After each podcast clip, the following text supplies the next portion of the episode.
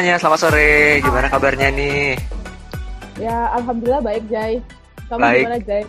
Baik atau baik aja nih? Baik aja kan di rumah aja. Betul, udah lama ya kita nggak ngobrol lagi ya. Terakhir Oh, iya. kayaknya sebelum negara api menyerang kayaknya ya. Zaman-zaman. Belum perang perang datang ya, Jai. ya? Iya, terakhir kita rekaman itu seingat Mbak eh, ini ya kita tuh di depannya Sarinah, zaman-zamannya masih boleh nongkrong bareng gitu loh di luar gitu kan. Ingat nggak Iya, sih? Di samping di samping McD yang belum ditutup itu ya. Iya, baru minggu lalu kayaknya ada berita kalau McD Sarinah itu ditutup gitu ya. Sedih Oh, banget sih. Ya. Nah, hari ini kita Ya, mau bawa topik baru nih, tapi sebelumnya kita mau kenalin dulu. Kita ada teman baru nanti yang bakal juga sharing-sharing bareng kita di podcast Bergizi. Yaitu di sini kita ada kedatangan Maharani. Halo Maharani. Iya, ini dia. Hai. Boleh Hai Rani? semuanya. Boleh Rani atau Iya. panggilannya apa nih Mahar? Eh, kenalin diri dulu ya. Perkenalan perkenalan perkenalan sekilas ya. Menyapa para pendengar kita. Iya. Hai semuanya, namaku Maharani, biasa dipanggil Mahar. Sekarang kita, sekarang aku ngisi-ngisi juga di podcast bergizi ini. Semoga ke depannya makin seru, makin banyak yang denger, makin makin plus plus plus plus plus lah. Asik. Amin. Boleh, boleh. Internasional ya, internasional. Iya. Kalau bisa banyak yang dengerin nanti nih, karena kita bakal sharing-sharing terkait gizi atau tips hidup sehat deh. Dan uh, Rani juga bakal nanti sharing-sharing juga dari perspektif dia gitu. Iya, Hmm. jadi selamat datang juga kami ucapkan kepada Maharani ya, teman kita, member baru kita. Iya, setelah cukup lama ya kita nggak pernah ketemu, akhirnya ketemu salah satu member yang Mei mungkin. Ya. Iya. Walaupun masing-masing kita nih kayaknya nggak satu tempat ya, beda-beda. Aku masih di Jakarta. Iya, Terus Mbak Ulfi lagi di mana nih Mbak? aku lagi di Pekanbaru. Kan baru. Nah kalau Rani di mana Rani? Aku di Tangerang, jadi emang jauh-jauh semua. Iya. Ya, jadi karena kita jauh-jauh ya kita manfaatkan lah seperti orang-orang yang lakukan lah ya orang-orang lakukan. Iya. Masih tetap online. bisa terhubung gitu ya. Ya, sebisa mungkin kita produktif. Maka dari itu, karena kita ingin menyapa pendengar kita kembali, makanya kita coba untuk buat lagi lah ya podcast. Walaupun ini udah lewat ya, Ramadan udah hampir mau lewat. Oh iya, Ramadan udah mau lewat ya. Sekarang Iya, mau guys. takbiran. Iya, bentar Jadi- lagi takbiran. Iya betul. Jadi pas banget ya ini udah mau habis uh, bulan bulan Ramadan, jadi kita mau menyambut Lebaran. So that's why kita mau adain podcast ini tentang tentang apa guys? tentang lebaran dan Tentang gimana lebaran. caranya maintain berat badan setelah lebaran. Betul, karena udah mau nyambut lebaran, jadi kita mau ngasih eh, beberapa tips gimana caranya maintain berat badan habis lebaran, terus beberapa Ya. tips gizi gitu ya. Yap, betul. Dan mungkin Lebaran tahun ini terasa berbeda ya kayaknya ya. Mana Hmm. tahu nggak ada ini pengunjung yang datang. Nggak ada Iya, tamu, rumah pada buka open house nggak nih? Atau nggak tahu. nggak nerima tamu? ya itu dia. Eh tapi ngomong-ngomong masalah nerima tamu nih, biasanya kalian punya Mm-mm. ini nggak sih? Punya apa namanya suatu tradisi menyiapkan sesuatu nggak sih untuk menyambut tamu itu? Ya dihalukan aja lah dulu ya tamu itu gitu. Dihalukan. Iya bukan. Tradisi kalau di aku biasanya tetap bikin kue walaupun PSBB tapi tetap harus ada tuh kuenya di depan meja di atas meja. Kayak wajib gitu ya, harus ada kue Ya, lebaran ya. gitu. Iya. kayaknya kalau nggak ada kue lebaran tuh kayak nggak afdol gitu wala- walaupun mungkin nggak ada yang datang atau apa tapi kayak nggak tahu ya Iya. nyiapin aja kan Kayak ada yang kurang gitu. hmm, betul. Soalnya yang punya rumah juga makan. oh ya benar butuh makan ya butuh makan ya benar benar benar ya ini Jay kan kamu masih di Jakarta nih Yes. rantau lah aduh. Iya ya, agak melo-melo gitu ya. Tapi nggak apa-apa sih. tapi nggak apa lah ya. Ini kan sesuatu yang Mm-mm. berbeda manfaatkanlah yang berbeda itu aja ya. Kan sekali lah ya. Nah karena aku nggak mau bahas tahun ini tahun sebelumnya deh. Kamu biasanya ngapain waktu lebaran? Oh, biasanya aja. Eh, kayak jujur aja ya, kalau lebaran tuh kan eh, semacam-macam kita kayak bebas ter eh, udah melewati 30 hari Ramadan yang gimana ya? Hmm. kayak nafsu makan kita tuh dike- dikekang 30 hari. Nah pas hari lebaran nah mulai lepas nih eh, keinginan makannya. Hasratnya. bisa makan sampai lima kali sehari coba. Kayak sebelum jadi kalau di kita kan sebelum sholat wajib makan dulu apa istilahnya membatalkan kan atau sarapan lah.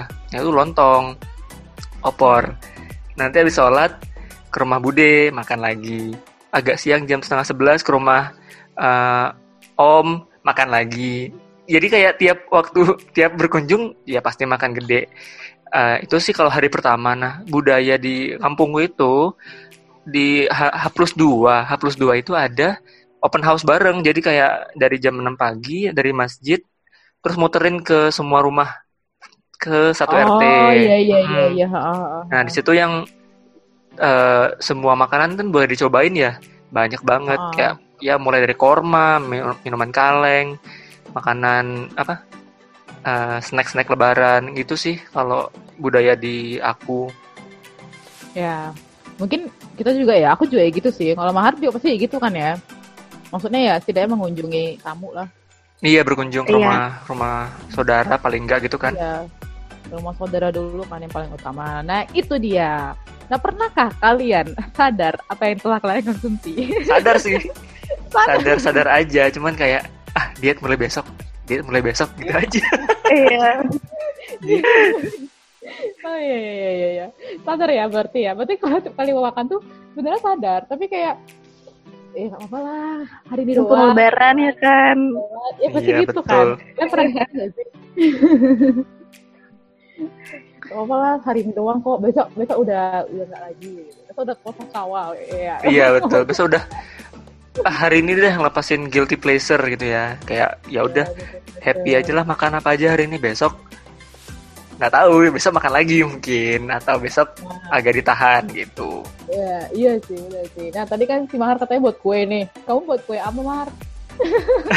Jadi walaupun PSBB berlangsung tapi aku tetap bikin empat jenis kue kemarin.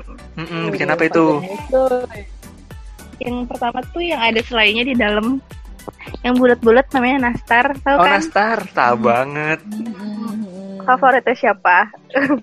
aku suka ananas semua orang suka banget kayaknya Kayaknya nanas emang identik nanas nggak? Eh nanas nastar identik nanas nggak sih? Iya. Iya ya, iya. Jadi pertama aku buat nastar, terus buat kue keju, kastengel, terus sagu keju, sama satu lagi itu eh putri salju. Oh iya Jadi aku Mm-mm. Oh, nah sebagai ahli gizi, iya sebagai ahli gizi, kita bertiga berrata-rata ahli gizi ya. Bisa nggak sih jelasin dikit sebenarnya gimana sih apa ya kandungan yang ada di dalam makanan lebaran snack lebaran itu sebenarnya apa aja gitu. Mungkin ada tips and triknya juga nanti gitu. Ya udah buat udah buat gue. Jadi kemarin tuh aku buat kue, eh, misalnya nih ya, buat kastengel. Nah Hmm. isinya itu ada mentega, keju, susu Wow. bubuk, sama kuning telur. Itu tuh semuanya lemak semua kan. Di Oh, of course.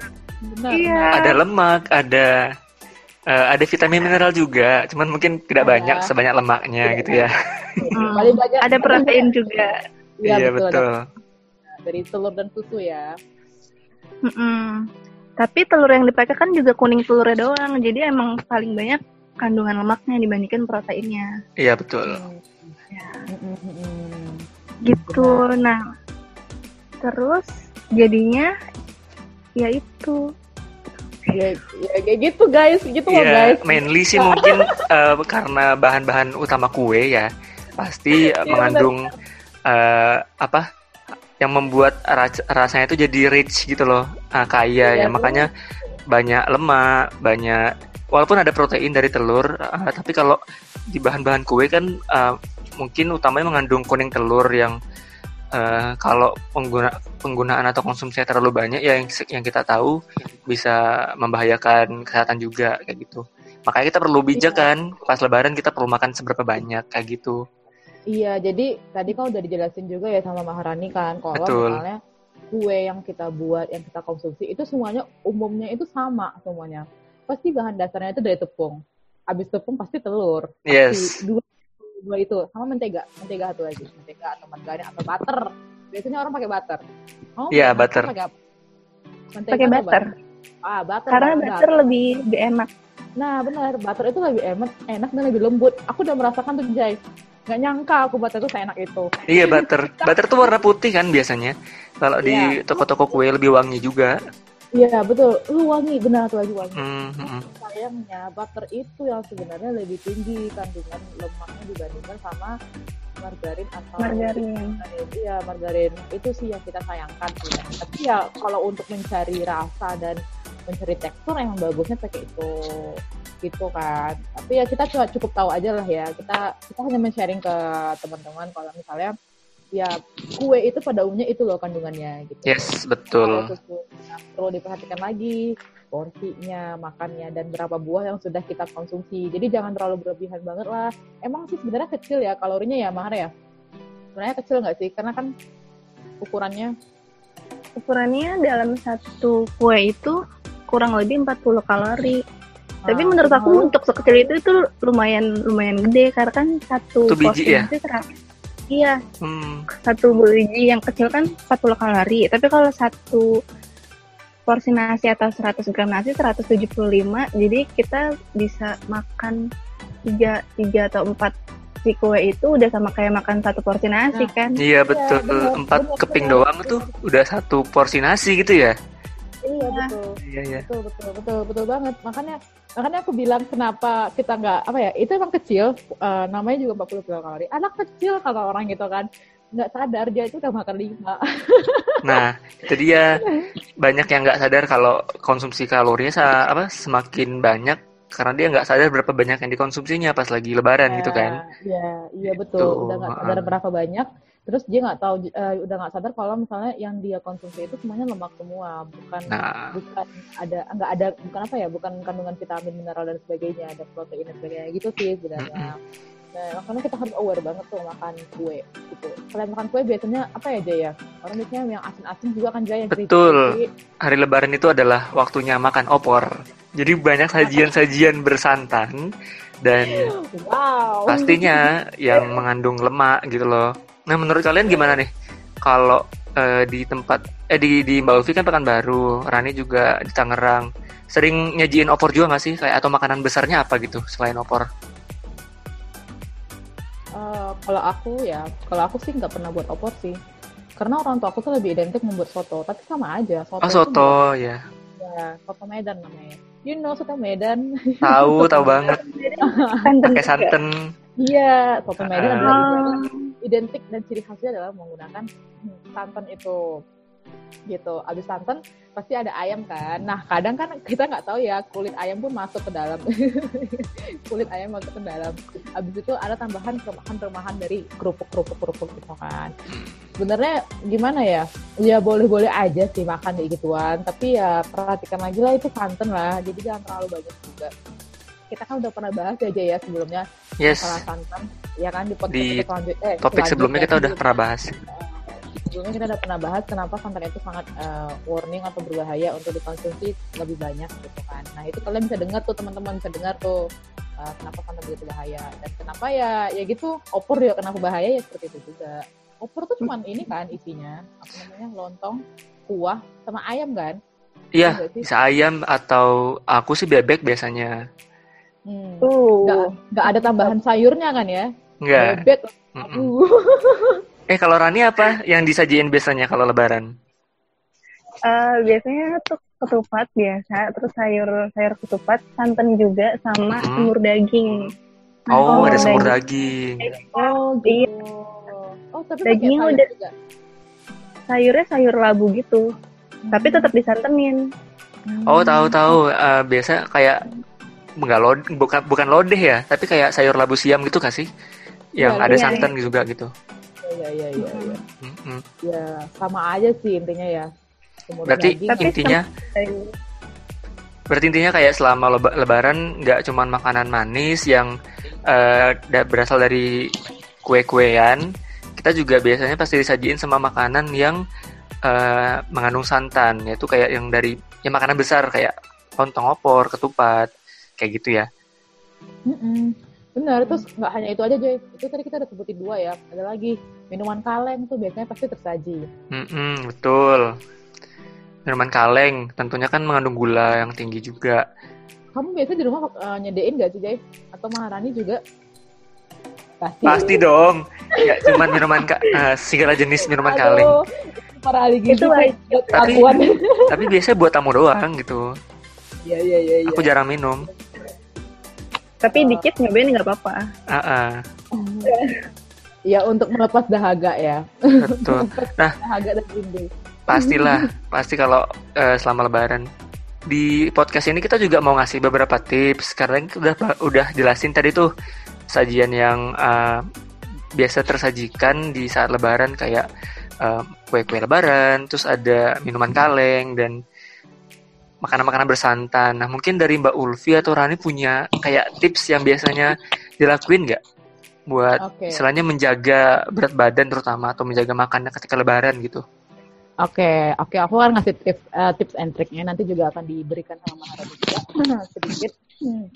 Jadi ini gimana ya? eh, aku mau flashback dulu. Jadi kita tuh udah melewati yang namanya masa Ramadan, guys. Ya, ya. Yes. Ingat ya, kita sudah melewati masa puasa di mana puasa itu melatih kita untuk mengontrol nafsu juga kan.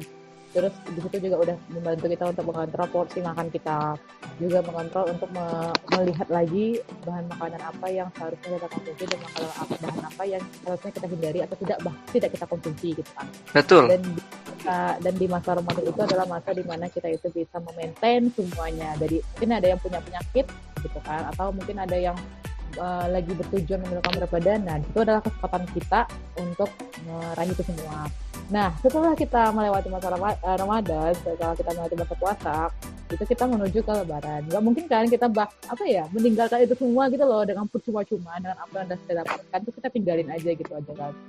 Pasti kalau aku sih ya kalau aku secara pribadi pasti akan tetap berkomitmen untuk melanjutkan itu semua sampai ya sampai pada waktunya lah sampai pada waktunya sampai pada waktunya gitu kan. Eh, karena sayang banget guys itu tuh udah kita dapatkan. Jadi, jadi ya gini bentar Eh, ada beberapa tips mungkin yang bisa kita yang bisa kita berikan ya kepada teman-teman di sini agar kita tetap bijak makan walaupun udah nggak di masa Ramadan atau puasa gitu. Jadi pertama itu mungkin kita bisa makan dulu secara perlahan lah ya. Tidak perlu tergesa-gesa gitu. Misalnya kalian, wah ada nemu ini nih, ada opor, ada soto, aku mau semuanya gitu. Tergesa-gesa gitu mau makannya gitu kan. Ambil semua. Kehabisan ambil biasanya. Ya takut kehabisan ya. Agak sabaran kan.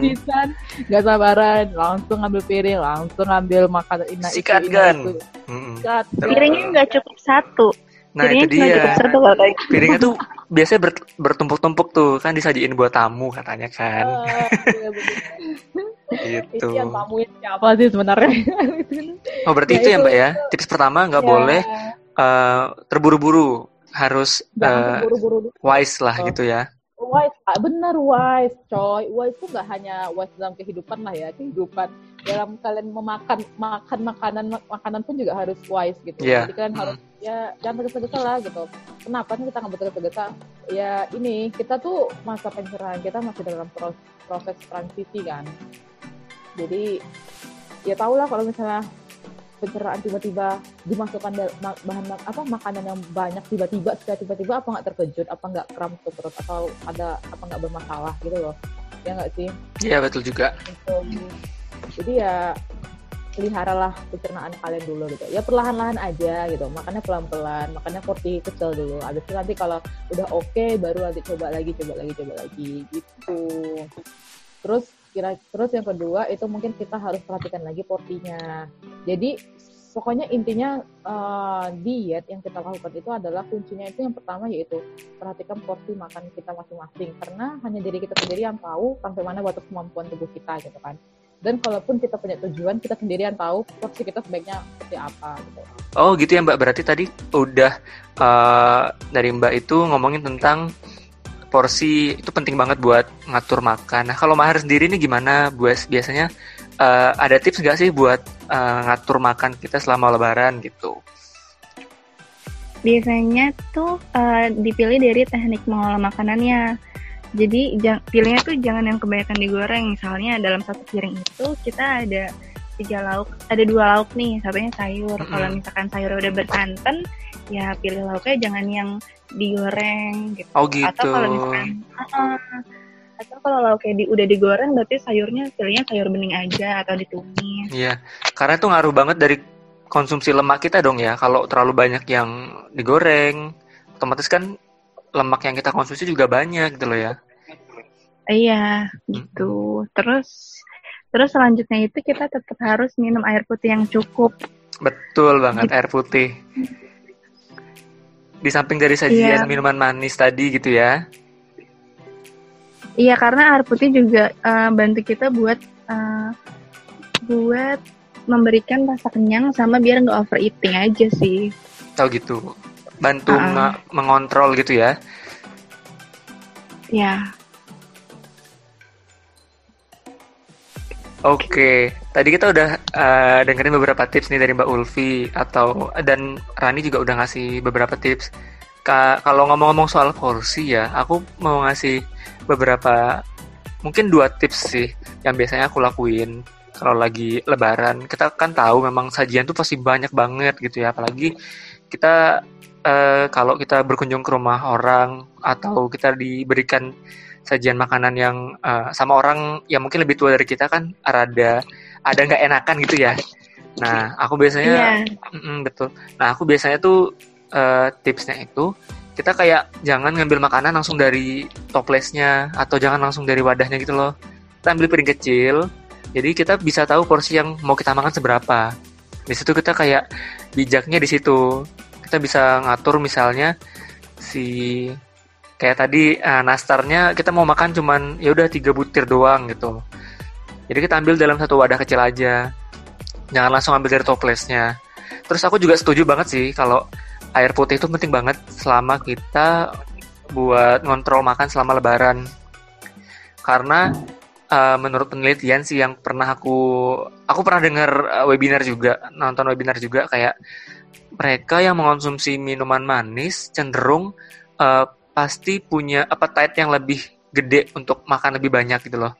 Kayak minuman manis itu bisa memicu nafsu makannya lebih banyak lagi sehingga buat ngontrolnya eh, sebaiknya kita ganti minuman manis itu jadi minuman yang biasa gitu atau air putih.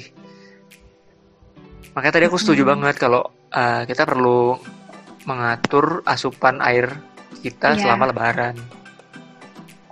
iya selain menghidrasi kita juga, tapi Hmm. juga so- bisa ngontrol makan juga kan. Iya betul banget. Karena tubuh kan juga butuh air yang cukup gitu, bukan eh, cuman air eh, bukan dari minuman manis doang, tapi yang eh, air putih lah istilahnya gitu buat menuhin hidrasi ya.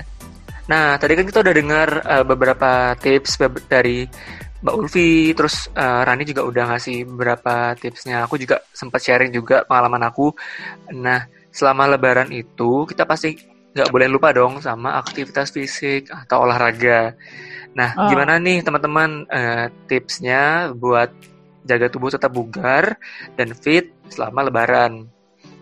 Oh iya benar ya kamu bilang aja ya benar-benar. Jadi kita jangan lupa juga sama aktivitas fisik. Mungkin justru harus ditingkatkan lagi ya aktivitasnya selama eh setelah lebaran eh setelah puasa maksudnya. Karena kan waktu lebaran eh waktu lebaran mungkin waktu puasa mulai apa ya malas-malasan kan. Mm-mm, Capek. lemes biasanya. Iya, lemas gitu kan. Aduh takutnya nanti habis energi. Ya sekarang lah waktunya dilampiaskan setelah bulan puasa ini gitu. Jangan lupa loh. Bakar kalori lebaran juga kan. Betul, Yoi, betul. Iya. Ya boleh lah niatnya pertama untuk bakar bakar kalori lebaran tapi nanti untuk niat selanjutnya tolonglah ya tolong tolong benar-benar untuk eh, kehi- apa ya untuk kesehatan diri sendiri gitu oke oke itu Nah, aja iya benar. ya. Kalau selama situasi lebaran ini apalagi sekarang kita masih diharuskan di rumah aja gitu ya. Ya, at Oh, least kita bisa memulai dari olahraga-olahraga ringan. Bisa ah. kalau memang eh, baru mulai banget olahraga, bisa stretching atau pemanasan yang simple-simple atau bagi yang suka eh, misalnya home workout gitu. Jadi banyak tuh tips-tips atau video-video dari YouTube bisa kalian ikutin. Kayak dari kantorku juga biasanya eh, punya apa ya semacam webinar gratis gitu loh. Terus kita Gitu. kayak uh, ada nanti yang uh, mimpin. Terus kita tinggal gerak, ikutin gerakannya aja di di Zoom. Biasa pakai aplikasi Zoom sih. Kayak uh, selain simple itu kan bisa dilakuin di mana aja. Untuk kondisi Iya, sekarang betul, apalagi sekarang di rumah aja gitu ya. Iya Nah, betul. itu bisa banget buat at least ya bakar kalori nastar tadi deh itu. Iya soalnya kan sekarang udah dunia online ya, jadi eh, Hmm. nggak ada nggak ada apa ya nggak ada alasan lah untuk tidak melakukan aktivitas fisik atau berolahraga gitu loh. Betul Bisa banget. aktif gitu kan. Iya. Hmm. Oke, kalau begitu mungkin itu aja kali ya tips and trick sama apa namanya cuap-cuap sedikit tentang eh, apa yang ada dalam kandungan makanan-makanan lebaran itu yang harus kita apa ya mention dan harus aware jangan sampai melebar setelah Jangan Lebar. lebaran. Jangan lebaran ya bener salah salah jangan bukan itu jangan lebaran Betul. Dan kalau teman-teman punya pertanyaan atau ada Oh. beberapa kritik saran buat kita, kita terbuka banget kok. Kita punya email yaitu podcastbergizi@gmail.com. Kita belum punya Instagramnya. Doakan aja bisa berkembang ya. oh ya Ini kan Iya, baru awal-awal doang. Jadi kalau punya ide atau ini bahas ini dong, bahas em, tips-tips gizi lainnya bisa drop pertanyaan atau ide sarannya ke email kita di podcastbergizi@gmail.com. podcast bergizi at gmail.com oke oke deh mungkin itu aja kali ya hari ini Ya, Cukup itu aja. hari ini kita cukupkan dulu Terima kasih udah mendengarkan. Uh, sampai jumpa di podcast berikutnya bersama kita lagi sama Maharani dan Ajay dan saya sendiri Ulfi. sampai jumpa ya semuanya. Yo, bye bye. Selamat sore. Selamat sore.